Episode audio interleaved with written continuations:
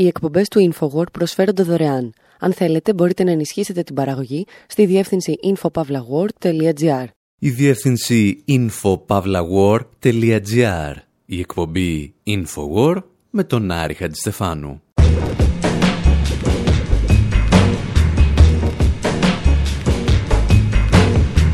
Όπου σήμερα γιορτάζουμε τη συμπλήρωση 300 podcast.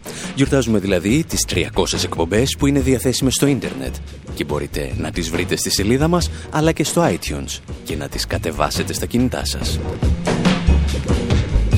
Θέλουμε να σας πούμε ένα μεγάλο ευχαριστώ για όλα αυτά τα χρόνια που μας κρατάτε στις πρώτες θέσεις των ελληνόφωνων podcast.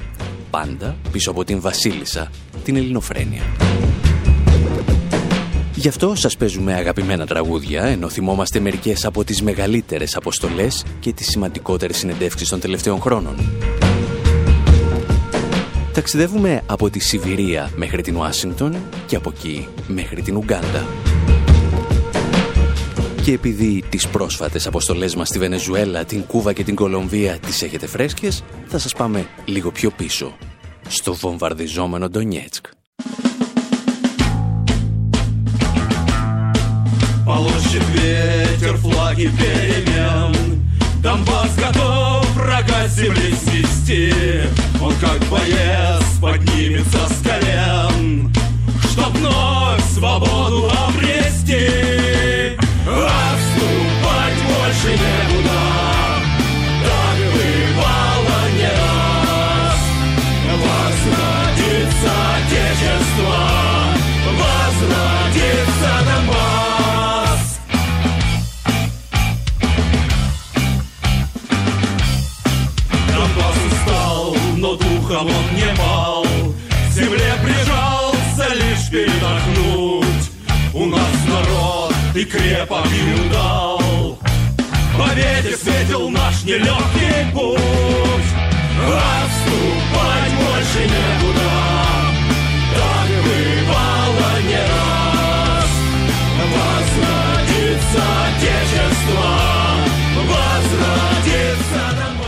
μουσική που ακούτε είναι η punk εκδοχή του πρώτου εθνικού ύμνου της λαϊκής δημοκρατίας του Ντονιέτσκ. Μία από τις δύο περιοχές που ανεξαρτητοποιήθηκαν από την Ουκρανία. Και λέμε πρώην γιατί ο εθνικός ύμνος αντικαταστάθηκε το 2015.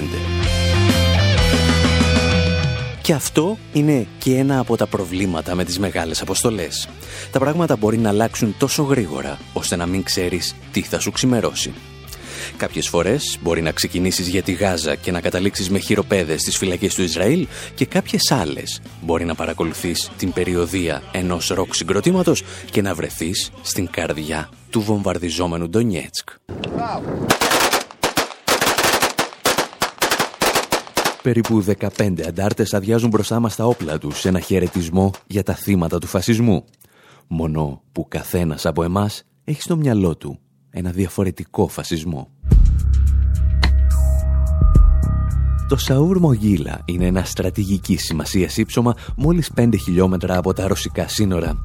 Κατά τη διάρκεια του Δευτέρου Παγκοσμίου Πολέμου δόθηκαν εδώ ορισμένες από τις φοδρότερες μάχες του Ανατολικού Μετόπου ανάμεσα στις μεραρχίες του Χίτλερ και τις δυνάμεις του Κόκκινου Στρατού. Ο φασισμός έχασε και αυτή τη μάχη τον Αύγουστο του 1943, αφού πρώτα αφαίρεσε τη ζωή δεκάδων χιλιάδων σοβιετικών στρατιωτών. Μόνο που οι φασίστες επανήλθαν 71 χρόνια αργότερα. Ζητήσαμε να μας εξηγήσει αυτή την ιστορία ο περίφημος Γκρέκ, ένας οπλαρχηγός ελληνικής καταγωγής που σήμερα εκτελεί χρέη αστυνομικού διοικητή στη λαϊκή δημοκρατία του Ντονιέτσκ с историей. Это великий народный памятник, который э, после войны построили в честь дедов, которые защищали свою землю. Εδώ βρισκόταν ένα πολύ σημαντικό μνημείο για αυτού που υπερασπίστηκαν την πατρίδα στο Δεύτερο Παγκόσμιο Πόλεμο. Έγινε όμω και σύμβολο για τα σημερινά γεγονότα. Κάτω από αυτή τη γη θάψαμε και τα δικά μα παιδιά που υπερασπίστηκαν αυτά τα εδάφη. Είναι ένα ύψωμα για το οποίο πέθαναν οι πρόγονοί μα αλλά και δικέ μα δυνάμει.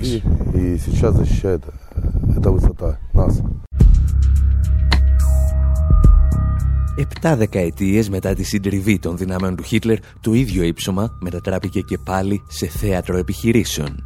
Και αυτή τη φορά ήταν οι Ουκρανικές δυνάμεις που κατέστρεψαν το μνημείο για τα θύματα του ναζισμού. Здесь были со всех батальонов люди.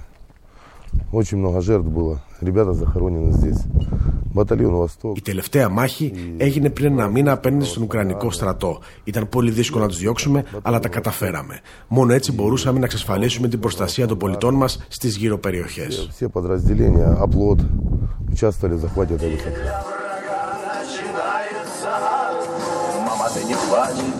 сын домой вернется, а потом поэты сложат песни о нас. Знаешь, так легко победа не дается. Мама. Οι πολιτοφύλακες που συνοδεύουν εμάς και τον Γκρέγ, έναν ελληνικής καταγωγής οπλαρχηγό του Ντονιέτσκ, ξεκουράζονται μετά την τελετή παίζοντας στη διαπασόν τραγούδια που γράφτηκαν για την περιοχή του Ντονμπάς. Μέχρι τη στιγμή που από τον ασύρματο φτάνει το μήνυμα ότι βομβαρδίστηκαν κατοικημένες περιοχές κοντά στον Ντονιέτσκ. Δυνάμεις του Ουκρανικού στρατού που παρέμεναν αποκλεισμένες για μήνες στο αεροδρόμιο της πόλης άρχισαν να πραγματοποιούν τυφλά χτυπήματα με πυράβλους τύπου Γκραντ. Η τελετή διακόπτεται απότομα και εμείς ξεκινάμε με έναν από τους επιτελείς του Γκρέγ, τον επωνομαζόμενο Πλάτωνα, να επισκεφτούμε τις περιοχές που επλήγησαν. Στη διαδρομή, ο Πλάτωνας μας εξηγεί ότι χτυπήθηκαν τρία σπίτια από το ουκρανικό πυροβολικό. Υπάρχουν, λέει, ηλικίες ζημιές και θύματα. Παρά την εκεχηρία, μας εξηγεί, οι επιθέσεις συνεχίζονται καθημερινά στον Ντονιέτσκ και την πόλη της Μακίγευκα, που συνδέεται μαζί του. Και όταν τον ρωτάμε πώς βλέπει το μέλλον, απαντά αμέσως «Το μόνο που θέλω είναι να τελειώνουμε με το φασισμό και τον ναζισμό» с нацизмом и фашизмом. Το σχετικό αφιέρωμά μας θα το βρείτε με τον όχι και πολύ εφάνταστο τίτλο «Το Infowars στη Λαϊκή Δημοκρατία του Ντονιέτσκ» τόσο στο iTunes όσο και στο αρχείο των εκπομπών μας στο infopavlawar.gr Και πριν αρχίζουν να γκρινιάζουν ορισμένοι ότι δεν έχουν iPhone, τις εκπομπές μας μπορείτε να τις κατεβάζετε από το iTunes και με εφαρμογές για Android.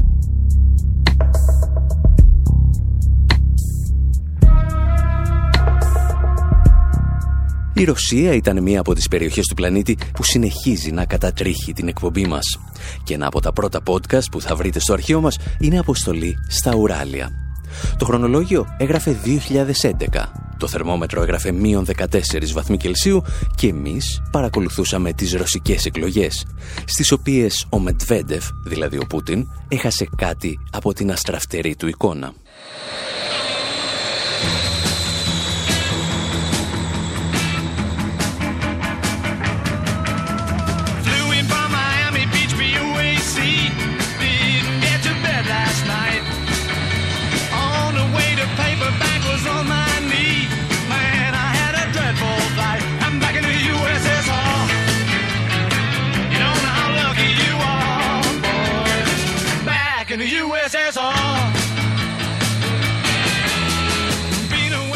Κορίτσια στη Μόσχα με κάνουν να τραγουδώ και να φωνάζω, λένε οι Beatles, οι οποίοι δεν φαίνεται να έχουν καταλάβει καλά το βαθύτερο νόημα της εκλογικής διαδικασίας στη Ρωσία.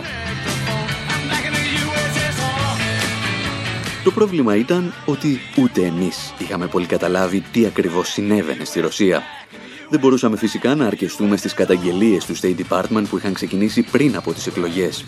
Δεν μπορούσαμε όμως να πιστέψουμε ούτε και την ιδηλιακή εικόνα που παρουσίαζαν τα ελεγχόμενα από το Κρεμλίνο μέσα ενημέρωσης. Make me sing and shout. That Georgia's always on my, my, my, my, my, my, my, my. Έπρεπε να ταξιδέψουμε στη Ρωσία την ημέρα των εκλογών. Πετάξαμε λοιπόν μέχρι τη Μόσχα και από εκεί πήραμε ένα τρένο, το οποίο ύστερα από 30 ώρες και 1450 χιλιόμετρα μας άφησε στην Ούφα, πρωτεύουσα της Μπασκυρίας. Ξέρετε, κάπου εκεί κοντά στα Ουράλια.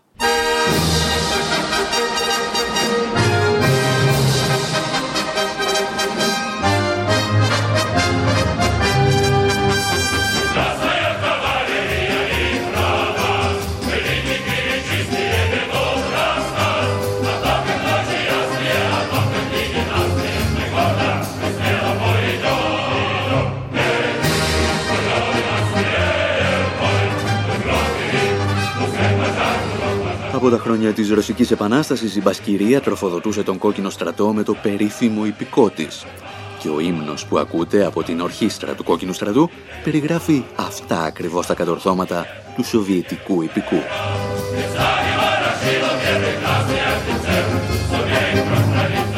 Το πρόβλημα είναι ότι τα τελευταία 30 χρόνια η Μπασκυρία δεν φημίζεται πλέον για το υπηκό της, αλλά για την εκτεταμένη νοθεία που παρατηρείται σε κάθε εκλογική αναμέτρηση.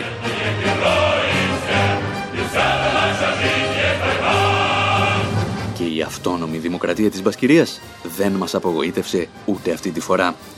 Την ημέρα των εκλογών ακολουθήσαμε παρατηρητές του Ανεξάρτητου Ινστιτούτου Παγκοσμιοποίησης και Κοινωνικών Μελετών που κατέγραφε περιστατικά νοθείας σε συνεργασία με την οργάνωση New Political System.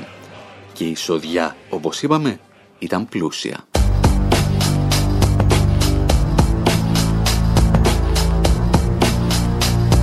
Στα εκλογικά κέντρα που επισκεφθήκαμε, οι αντιπρόσωποι ξεχνούσαν να αναγράψουν τον αριθμό των εγγεγραμμένων ψηφοφόρων. Συχνά άφηναν τα πορτρέτα του Μετβέντεφ να φιγουράρουν στην είσοδο των κτηρίων, κατά σαφή παράβαση του εκλογικού νόμου. Σε ένα εκλογικό κέντρο, οι υπεύθυνοι αποφάσισαν να απομακρύνουν έναν εκπρόσωπο κόμματος της αντιπολίτευσης με την κατηγορία ότι τους μύριζε και το αποκορύφωμα, σε ένα εκλογικό κέντρο, ακριβώς επάνω από το παραβάν, υπήρχε ένας τεράστιος καθρέφτης που επέτρεπε στον καθένα να δει το ψηφοδέλτιό σου.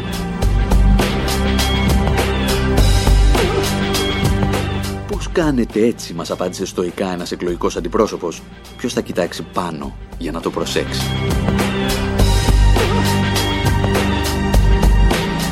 Και όταν στο τέλος της ημέρας ζητήσαμε να παρακολουθήσουμε τη διαδικασία καταμέτρησης των ψήφων, όπως προβλέπει η νομοθεσία για δημοσιογράφους, οι εκλογικοί αντιπρόσωποι προτίμησαν να μας πετάξουν έξω, όπως συνέβη και σε δεκάδες άλλους παρατηρητές σε όλη τη χώρα.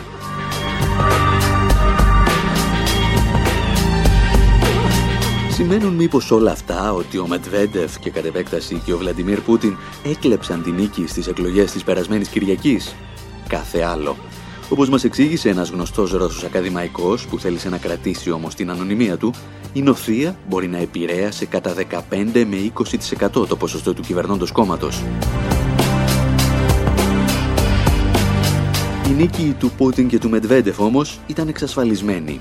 Όπως συνέβη και στις τελευταίες εκλογές λόγω χάρη στο Ιράν του Αχμεντινετζάντ, το καθεστώς ενίσχυσε μεν την εκλογική του παρουσία με νοθεία, διέθετε όμως και ισχυρή στήριξη από τον πληθυσμό.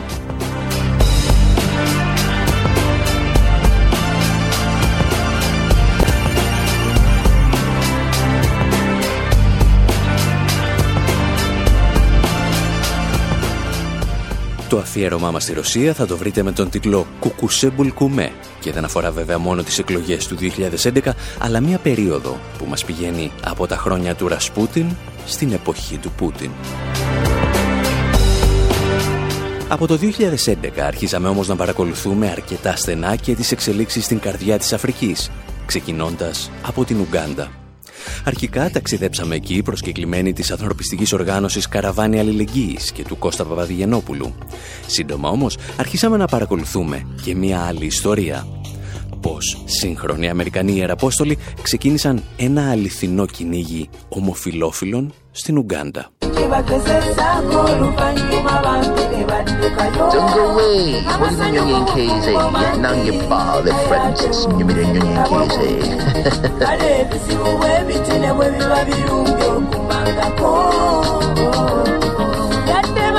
Τέλη του 2010 κινούμε με ένα ταξί στο κέντρο της Καμπάλα, της πρωτεύουσας της Ουγκάντας. Η χαρούμενη μουσική και η ζωντάνια της πόλης φαίνεται να κρύβουν καλά μια σκοτεινή ιστορία που εκτιλήσεται τα τελευταία χρόνια σε αυτή την αφρικανική χώρα. Κάποιοι αποφάσισαν ότι οι ομοφιλόφιλοι της χώρας πρέπει να πεθάνουν. Τα εξηγούσε πρόσφατα το αμερικανικό ανεξάρτητο δίκτυο Democracy Now! Οργανώσεις ανθρωπίνων δικαιωμάτων στην Ουγκάντα προειδοποιούν ότι μία εφημερίδα έθεσε σε κίνδυνο τις ζωές ομοφιλόφιλων όταν δημοσίευσε 100 φωτογραφίες και ονόματα ανδρών και γυναικών με τον πηχιαίο τίτλο κρεμάστε τους. Η δημοσίευση έγινε σχεδόν ένα χρόνο από την κατάθεση νομοσχεδίου που θα επέτρεπε την επιβολή της θανατικής ποινής σε συγκεκριμένες πράξεις ομοφιλοφιλίας. Η σχετική νομοθεσία δεν προχώρησε ύστερα από διεθνή κατακραυγή και την προσωπική παρέμβαση του Μπαράκ Ομπάμα, ο οποίος χαρακτήρισε το νομοσχέδιο απεχθές.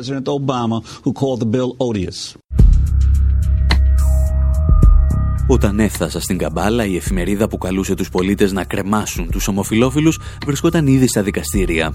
Κανένας από όσους την κατηγορούσαν όμως δεν τολμούσε να μιλήσει εκείνη τη στιγμή στο μικρόφωνο της εκπομπής. Το ερώτημα όμως είναι πώς καταλήγει μια χώρα να επιστρέφει σε μεσαιωνικές αντιλήψεις εν έτη 2010. Ελάχιστοι γνωρίζουν ότι το νομοσχέδιο για τους ομοφυλόφιλους στην Ουγκάντα σχετίζεται με το κίνημα των ακροδεξιών Ευαγγελιστών στις Ηνωμένες Πολιτείες. Ο βουλευτής που προώθησε την νομοθεσία σχετίζεται με αρκετές οργανώσεις Ευαγγελιστών που δρούν σε αρκετές Αφρικανικές χώρες. Όλες αυτές οι οργανώσεις ανήκουν σε μια αδελφότητα με την ονομασία Η Οικογένεια, η οποία αποτελεί μια από τις πιο ισχυρές χριστιανικές ενώσεις στην Ουάσιγκτον. Η οικογένεια κρατούσε μυστική την ύπαρξή της μέχρι πριν από ένα χρόνο.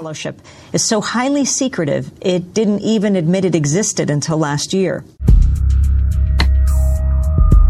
Η λεγόμενη οικογένεια είναι μια γιγαντιαία οργάνωση ακροδεξιών χριστιανών με άμεση πρόσβαση ακόμη και στο Λευκό Οίκο. Ο πρόεδρος Ομπάμα είχε παραβρεθεί στο παρελθόν σε μια από τις συναισθιάσεις της, όπως είχε κάνει και ο προκάτοχός του, ο George Bush. Το τρίτο M λοιπόν ήταν εδώ. Πώς φτάνουν όμως ομάδες χριστιανών φονταμενταλιστών να κηρύξουν το μίσο σε μια χώρα της Αφρικής; Παλαιότερα μετακινούνταν με τις αρμάδες των απικιοκρατών. Σήμερα φτάνουν συνήθως μαζί με την ανθρωπιστική βοήθεια των νέων απικιοκρατών τα εξηγούσες ο Τζεφ Σκάρλετ, ακαδημαϊκός και δημοσιογράφος στις Ηνωμένες Πολιτείες.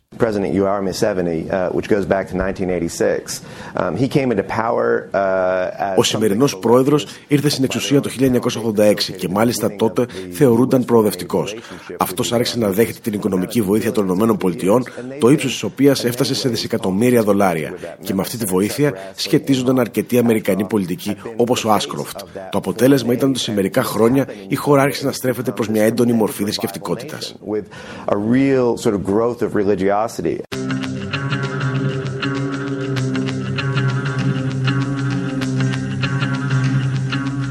Το κυνήγι των ομοφιλόφιλων λοιπόν στην Ουγκάντα δεν ήταν αποτέλεσμα της οπισθοδρόμησης των μαύρων, αλλά της λεγόμενης προόδου των λευκών, οι οποίοι έστελαν στην περιοχή τους ιεραποστόλους τους.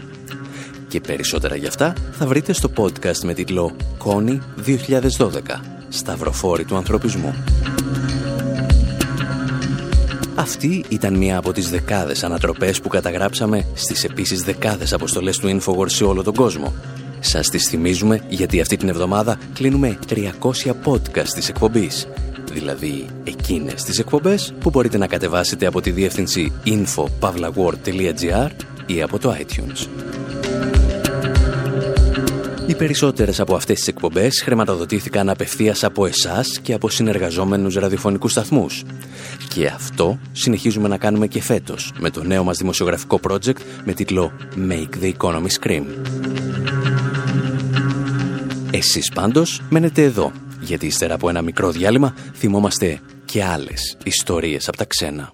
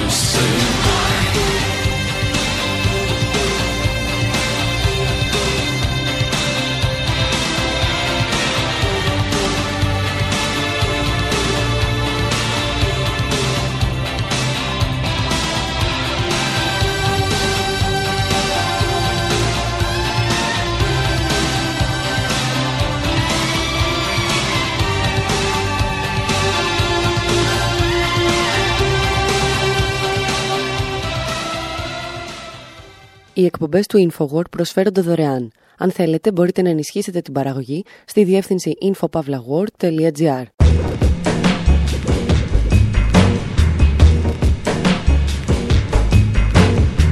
Εκπομπή InfoWord, μέρος δεύτερο. Όπου σήμερα γιορτάζουμε τη συμπλήρωση των πρώτων 300 podcast της εκπομπής τις 300 δηλαδή εκπομπές που μπορείτε να βρείτε στο αρχείο μας στη διεύθυνση info.pavlawar.gr ή να τις κατεβάσετε δωρεάν από το iTunes για iPhone ή Android. Θυμόμαστε ορισμένες από τις μεγάλες αποστολές που πραγματοποιήσαμε όλα αυτά τα χρόνια σε κάθε γωνιά του πλανήτη. Περάσαμε στο πρώτο μέρος από τη βομβαρδιζόμενη Ανατολική Ουκρανία στη Ρωσία του Πούτιν με τους μείον 14 βαθμούς Κελσίου και από εκεί πεταχτήκαμε μέχρι την Ουγκάντα με την ελπίδα να ζεσταθεί λίγο το κοκαλάκι μας. Μία από τις πιο συναρπαστικές αποστολές που θυμόμαστε όμως είναι αυτή στην Καμπότζη. Ίσως γιατί μας θύμιζε το μέλλον που κάποιοι ονειρεύονταν και για την Ελλάδα. Να την μετατρέψουν δηλαδή σε μια τεράστια οικονομική ζώνη. Μια εκπομπή που δεν θα μπορούσε παρά να ξεκινήσει με ο λίγον από Dead Kennedys.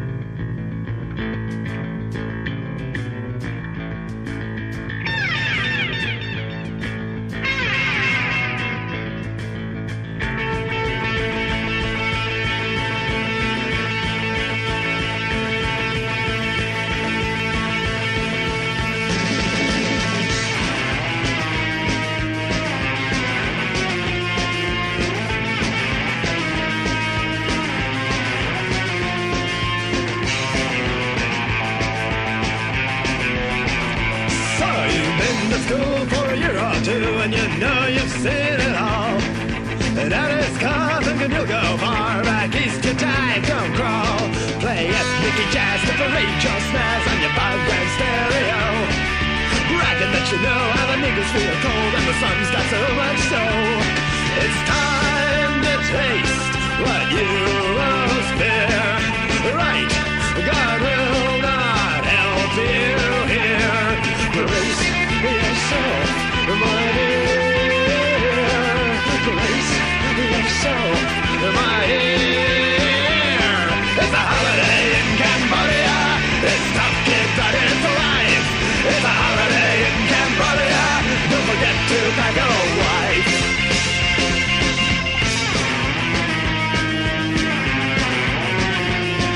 Holiday in Cambodia θα συνδεθεί παρά τη θέληση των δημιουργών του για μία ακόμη φορά με την Ανατολική Ασία με ένα μάλλον περίεργο τρόπο το 1998. Τα μέλη του συγκροτήματος κατέθεσαν τότε μήνυση στον τραγουδιστή Τζέλο Μπιάφρα γιατί δεν επέτρεπε στην εταιρεία Levi's να χρησιμοποιήσει το τραγούδι σε διαφημιστικά της μηνύματα. Για τον Μπιάφρα, η συγκεκριμένη εταιρεία ενδυμάτων εκπροσωπούσε τις συνθήκες μισθωτής σκλαβιάς που επιβάλλουν οι πολυεθνικές της Δύσης σε χώρες του τρίτου κόσμου. Και ο Μπιάφρα δικαιώθηκε, αν όχι στα δικαστήρια, τουλάχιστον στην πραγματική ζωή. Όταν προσγειωθήκαμε στην πρωτεύουσα της Καμπότζης, νεαρές εργάτριες συγκεντρώνονταν έξω από την Αμερικανική πρεσβεία. Διαμαρτύρονταν γιατί οι αμερικανικές εταιρείες Walmart και H&M τις είχαν αφήσει απλήρωτες για μήνες. Πάντα με την ανοχή της κυβέρνησης.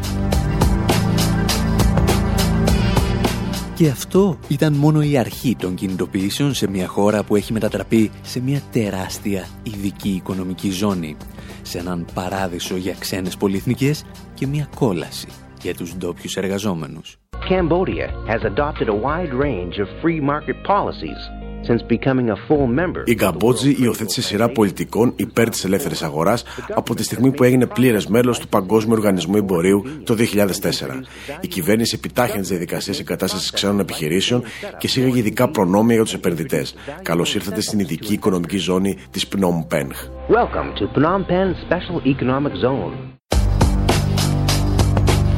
Τα διαφημιστικά σποτάκια της κυβέρνησης παρουσιάζουν τις ειδικές οικονομικές ζώνες σαν ευλογία στην πραγματικότητα πρόκειται για εργασιακά κολαστήρια που θα έκαναν ακόμη και το Λονδίνο του Ντίκενς να φαντάζει παράδεισους. Οι εργαζόμενοι πληρώνονται με κατώτατο μισθό 80 ευρώ το μήνα, όσο για τα εργασιακά τους δικαιώματα τα αφήνουν στην πύλη των ειδικών οικονομικών ζωνών αμέσως μόλις χτυπήσουν την κάρτα τους. Καμπότζη βλέπετε ακολούθησε κατά γράμμα τις νεοφιλελεύθερες συνταγές ανάπτυξης του Διεθνούς Νομισματικού Ταμείου και άλλων διεθνών οργανισμών και οι καταστροφικές συνέπειες είναι σήμερα ορατές σε ολόκληρη τη χώρα. Ακόμη και το Holiday in Cambodia αποκτά ένα εντελώς διαφορετικό νόημα στη νέα διασκευή του Richard Cheese.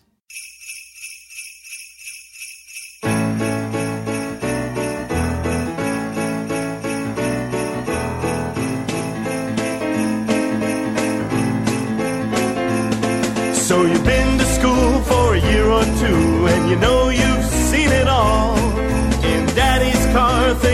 go far. Back east, your type don't crawl. Play ethnic jazz to parade your snaz on your five grand stereo. Bragging that you know how the niggers feel cold and the slums got so much soul. It's time to taste what you most fear. Right guard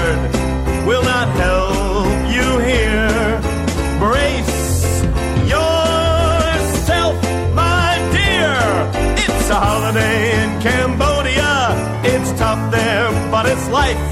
It's a holiday in Cambodia. Don't forget to pack a wife. Thank you.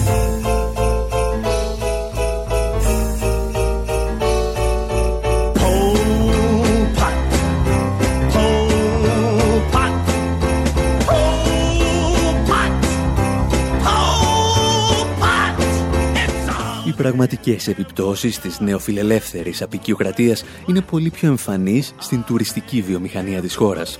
Φτάνοντας στην πόλη Σιχανούκβιλ, την καρδιά του καμποτζιανού τουριστικού θαύματος, σε καλωσορίζει μια γιγαντιαία αφίσα, η οποία σε καλεί να μην ενθαρρύνεις την παιδεραστία.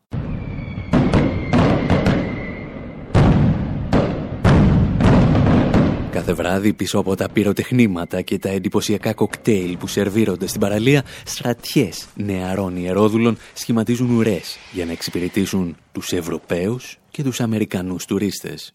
Ladies and gentlemen, it is time. It is time to go back.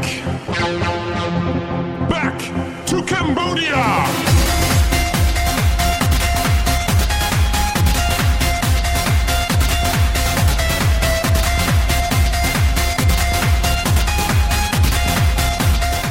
Μερικές δεκαετίες, ένας Αμερικανός στρατιώτης για να συνευρεθεί ερωτικά με μια ανήλικη Καμποτζιανή έπρεπε να έρθει με κάποια αερομεταφερόμενη ταξιαρχία και να βάλει κανένα δυο άλλους στρατιώτες να τις κρατάνε τα πόδια.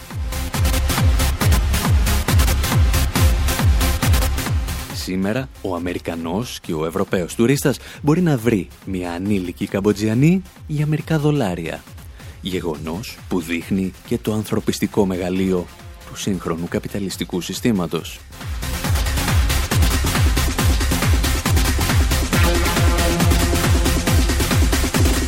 Το Σιχανούκβιλ όμως κρύβει και ένα άλλο μεγάλο μυστικό.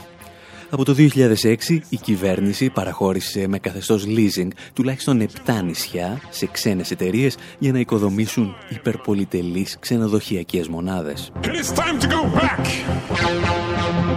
Back to Cambodia. Το αποτέλεσμα είναι ότι οι μεγάλες εκτάσεις γης είναι πλέον απροσπέλαστες για τους πολίτες της χώρας. Αν το δέρμα σου είναι λευκό, αν είσαι δηλαδή τουρίστας, μπορείς τουλάχιστον να διασχίσεις την παραλία.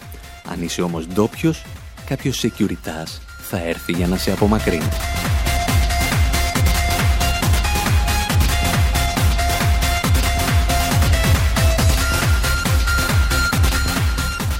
Στην εκπομπή Infowar με τον Άρη Χατζηστεφάνου γιορτάζουμε τα 300 podcast της εκπομπής με αναφορές σε ορισμένες από τις μεγαλύτερες δημοσιογραφικές αποστολές που πραγματοποιήσαμε τα τελευταία χρόνια. Οι περισσότερες από αυτές τις αποστολές απαιτούν εβδομάδες ή και μήνες προετοιμασίας. Κάποιες φορές όμως, για άλλο ξεκινάς και αλλού καταλήγεις.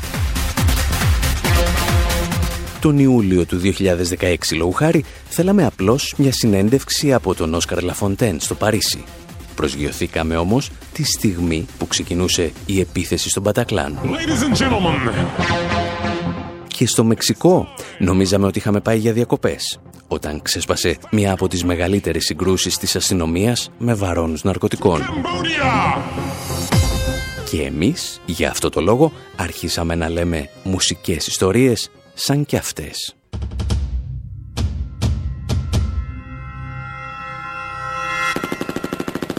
con cuerno de bazooka en la nuca, volando cabezas al que se atraviesa. Somos sanguinarios, locos, bien ondeados, nos gusta matar.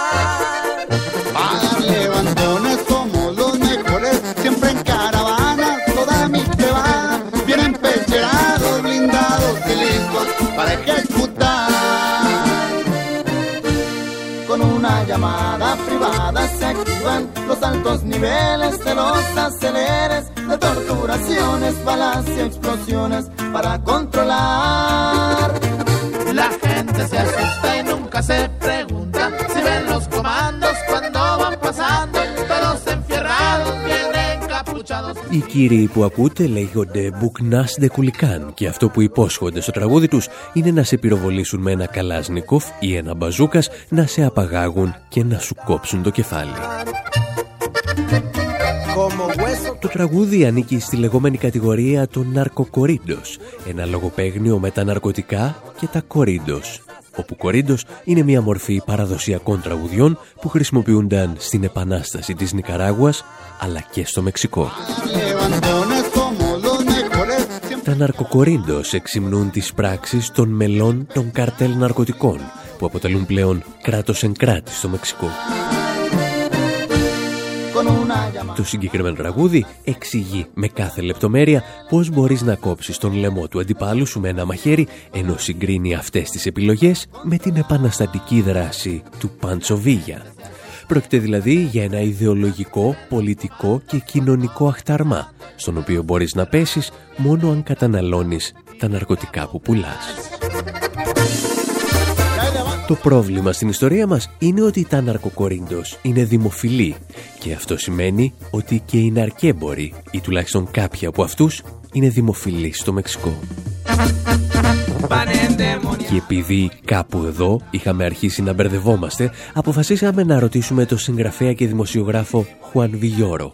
Τι φάση είναι αυτή; When you're talking about the drug lords, you are not talking about people who come from another planet. Όταν αναφέρεσαι στους βαρώνους ναρκωτικών, δεν μιλάς για εξωγήινους. Δεν είναι βάρβαροι που σε έβαλαν στη χώρα σου. Είναι άνθρωποι σαν και σένα. Μπορεί να είναι γείτονές σου ή μέλη της οικογένειάς σου και συνεργάτες σου. Στη δουλειά μου προσπαθώ να αποτυπώσω τον τρόπο με τον οποίο η κουλτούρα των ναρκωτικών εισβάλλει στην καθημερινότητα. Uh, drug culture invades daily life. Ο Βιγιόρο έχει συνδέσει το συγγραφικό του έργο με το εμπόριο ναρκωτικών του Μεξικού εδώ και χρόνια και δεν έχει καμία πρόθεση να αθωώσει ή να ωρεοποιήσει τους ναρκέμπορους. Αυτό που θέλει να μας πει είναι ότι σε μια συγκεκριμένη ιστορική στιγμή ήρθαν να καλύψουν το ανύπαρκτο κράτος πρόνοιας του νεοφιλελεύθερου Μεξικού. Well, they are local benefactors. You know, we, we have changed uh, uh, the uh, hopes in many parts of the country. Οι βαρόνοι των ναρκωτικών προσφέρουν στις τοπικές κοινωνίες. Αρκετοί άνθρωποι που αισθάνονται ότι το κράτος εγκατέλειψε ζητούν λύσεις από τους ναρκέμπορου και αυτοί συχνά ανταποκρίνονται. Ο διασημότερος βαρόνο ναρκωτικών στην ιστορία του Μεξικού, ο Χακίν Κουσμάν, γνωστός ως Ελ Τσάπο, ο οποίος τώρα κρατείται στις ΗΠΑ, είχε τέτοια. Αντί λοιπόν να υπάρχει κράτος πρόνοιας, είχαμε κοινωνική πρόνοια την οποία προσέφερε το οργανωμένο έγκλημα. Είναι μια τραγική κατάσταση γιατί σήμανε το τέλος των θεσμών. Ο πόλεμος όμως εναντίον ναρκωτικών που ξεκίνησε ο Καλτερών διέλυσε ακόμη και αυτά τα δίκτυα κοινωνικών παροχών των εμπόρων ναρκωτικών. By Felipe Calderón destroyed also this network, this social assistance provided by the drug lords. Ο πόλεμος των ναρκωτικών, στον οποίο αναφέρεται ο Βιγιόρο, είναι το σημείο κλειδί της σημερινής μας εκπομπής. Είναι η στιγμή που αλλάζει η ιστορία της Λατινικής Αμερικής και του Μεξικού και μαζί της αλλάζει και η λογοτεχνία την οποία υπηρετεί ο συνομιλητής μας. Αυτά όμως θα σας τα πούμε σε λιγάκι.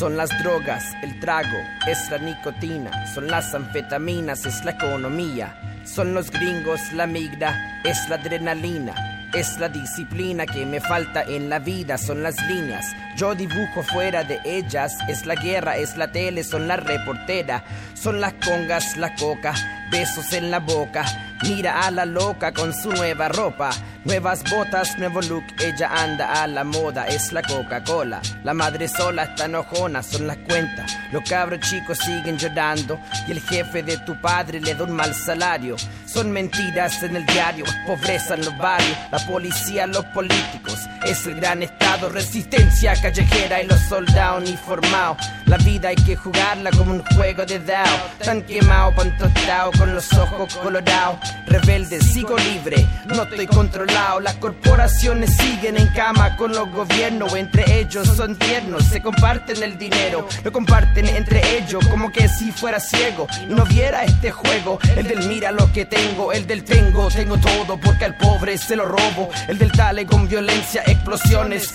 plomo y nos quieren quitar todo como un gran desalojo, pero no me enojo, solo me pongo negro y rojo. Es la vida de un revolucionario, a donde hay, en cualquier lado.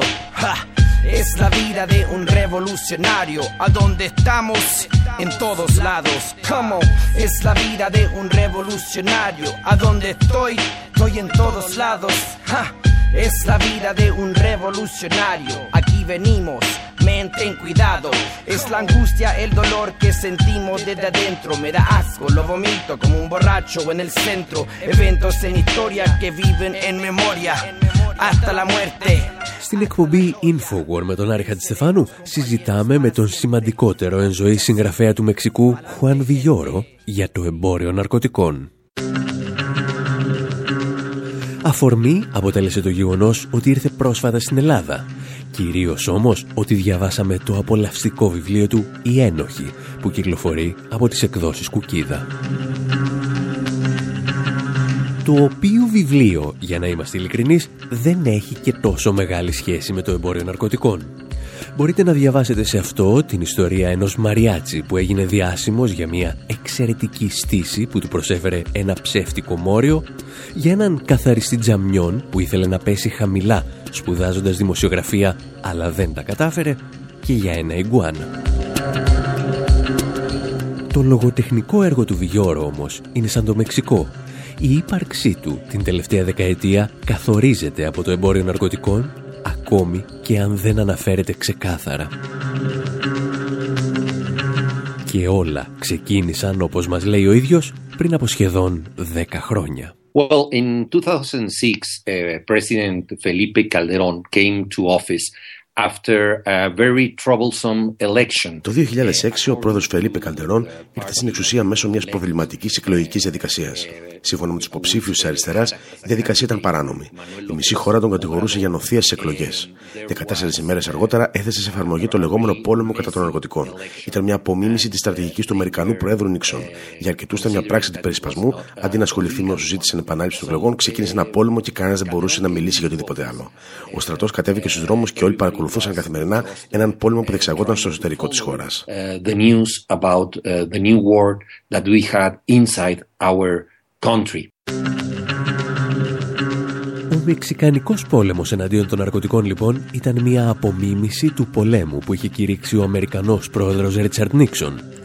Και για να δούμε τη συνολική εικόνα πρέπει να σας πάμε πίσω στο 1971 για να παρακολουθήσουμε το διάγγελμα του Προέδρου των Ηνωμένων Πολιτειών. Public enemy number one in the United States is drug abuse. Ο υπαριθμόν ένα δημόσιος κίνδυνος στις ΗΠΑ είναι η χρήση ναρκωτικών. Για να πολεμήσουμε και να νικήσουμε αυτόν τον εχθρό, πρέπει να πραγματοποιήσουμε μια νέα επίθεση σε όλα τα μέτωπα.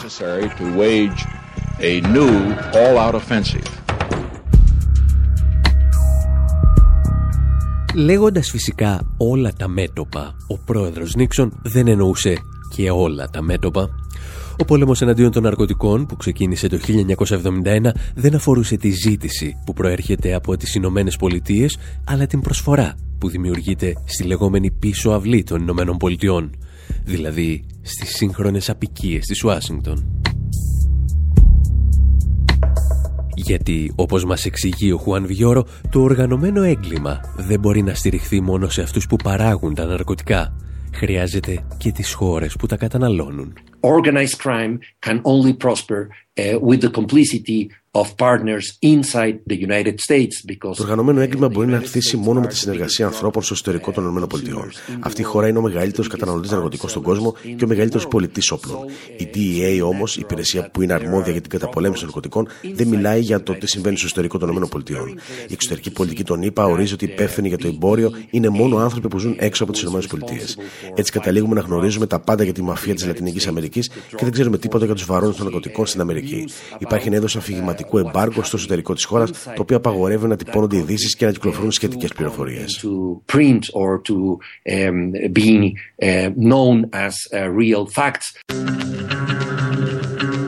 Το γεγονός βέβαια ότι για τα δεινά των Ηνωμένων Πολιτειών φταίνε πάντα κάτι κύριοι και κυρίες εκεί έξω δεν αφορά μόνο το εμπόριο ναρκωτικών είναι, μας λέει ο Βιγιώρο, η επίσημη πολιτική της Ουάσιγκτον και των Αμερικανικών μέσων ενημέρωσης από την εποχή του Δευτέρου Παγκοσμίου Πολέμου. This belongs to a very long American tradition of considering that the enemies Είναι μια μακρά αμερικανική παράδοση σύμφωνα με την οποία οι εχθροί βρίσκονται πάντα εκτός των συνόρων. Είχαν τους Ναζί στο Δεύτερο Παγκόσμιο Πόλεμο, τους κομμουνιστές στο Ψυχρό Πόλεμο και ύστερα τους Ισλαμιστές τρομοκράτες και τους βαρώνους των ναρκωτικών. Και τώρα με τον Ντόναλτ Τραμπ ο εχθρός είναι οι Μεξικανοί. And now with Donald Trump, the Mexican. Ο πόλεμος εναντίον των ναρκωτικών λοιπόν ήταν μια ευκαιρία για τις Ηνωμένες Πολιτείες να ορίσουν τον άλλο με αλφακεφαλαίο και να του κηρύξουν τον πόλεμο. Ιστορίες για να έχουμε να λέμε στο δεύτερο μέρος της εκπομπής. Εσείς να θυμάστε πως τέτοιου είδους ιστορίες με ήχους, εικόνες και πολυκείμενο μπορείτε να βρίσκετε πάντα στη σελίδα μας info.pavlaword.gr Κάπου εδώ όμως με ιστορίες σαν και αυτές φτάνουμε στο τέλος και αυτής της επαιτειακής εκπομπής. Γιορτάσαμε τα 300 podcast τα οποία μπορείτε να ακούτε δωρεάν και να κατεβάζετε είτε από το site μας στη διεύθυνση info.pavlaword.gr ή απευθείας από το iTunes για iPhone και Android. Σε όλα αυτά τα χρόνια καταφέραμε να κηρυχθούμε επισήμως persona non grata σε μία χώρα, το Ισραήλ, και σχεδόν persona non grata στην Ουκρανία. Οι αποστολές μας μας έφεραν από την Καμπότζη μέχρι το Λος Άντζελες και από τη Βολιβία μέχρι τα βάθη της Σιβηρίας. Στο μεταξύ παρουσιάσαμε και τέσσερα ντοκιμαντέρ και ετοιμάζουμε το πέμπτο, ενώ πήραμε συνεντεύξεις από μερικές εκατοντάδες κυρίους και κυρίες. Και όλα αυτά τα καταφέρναμε σχεδόν πάντα χάρη στη δική σας βοήθεια και τη βοήθεια των ραδιοφωνικών σταθμών που αναμεταδίδουν την εκπομπή. Από τον Άρη Χαντιστεφάνου πάντως στο μικρόφωνο και τον Δημήτρη Σαθόπουλο που όλα αυτά τα χρόνια είχε την τεχνική επιμέλεια, ένα μεγάλο ευχαριστώ και γεια σας και χαρά σας.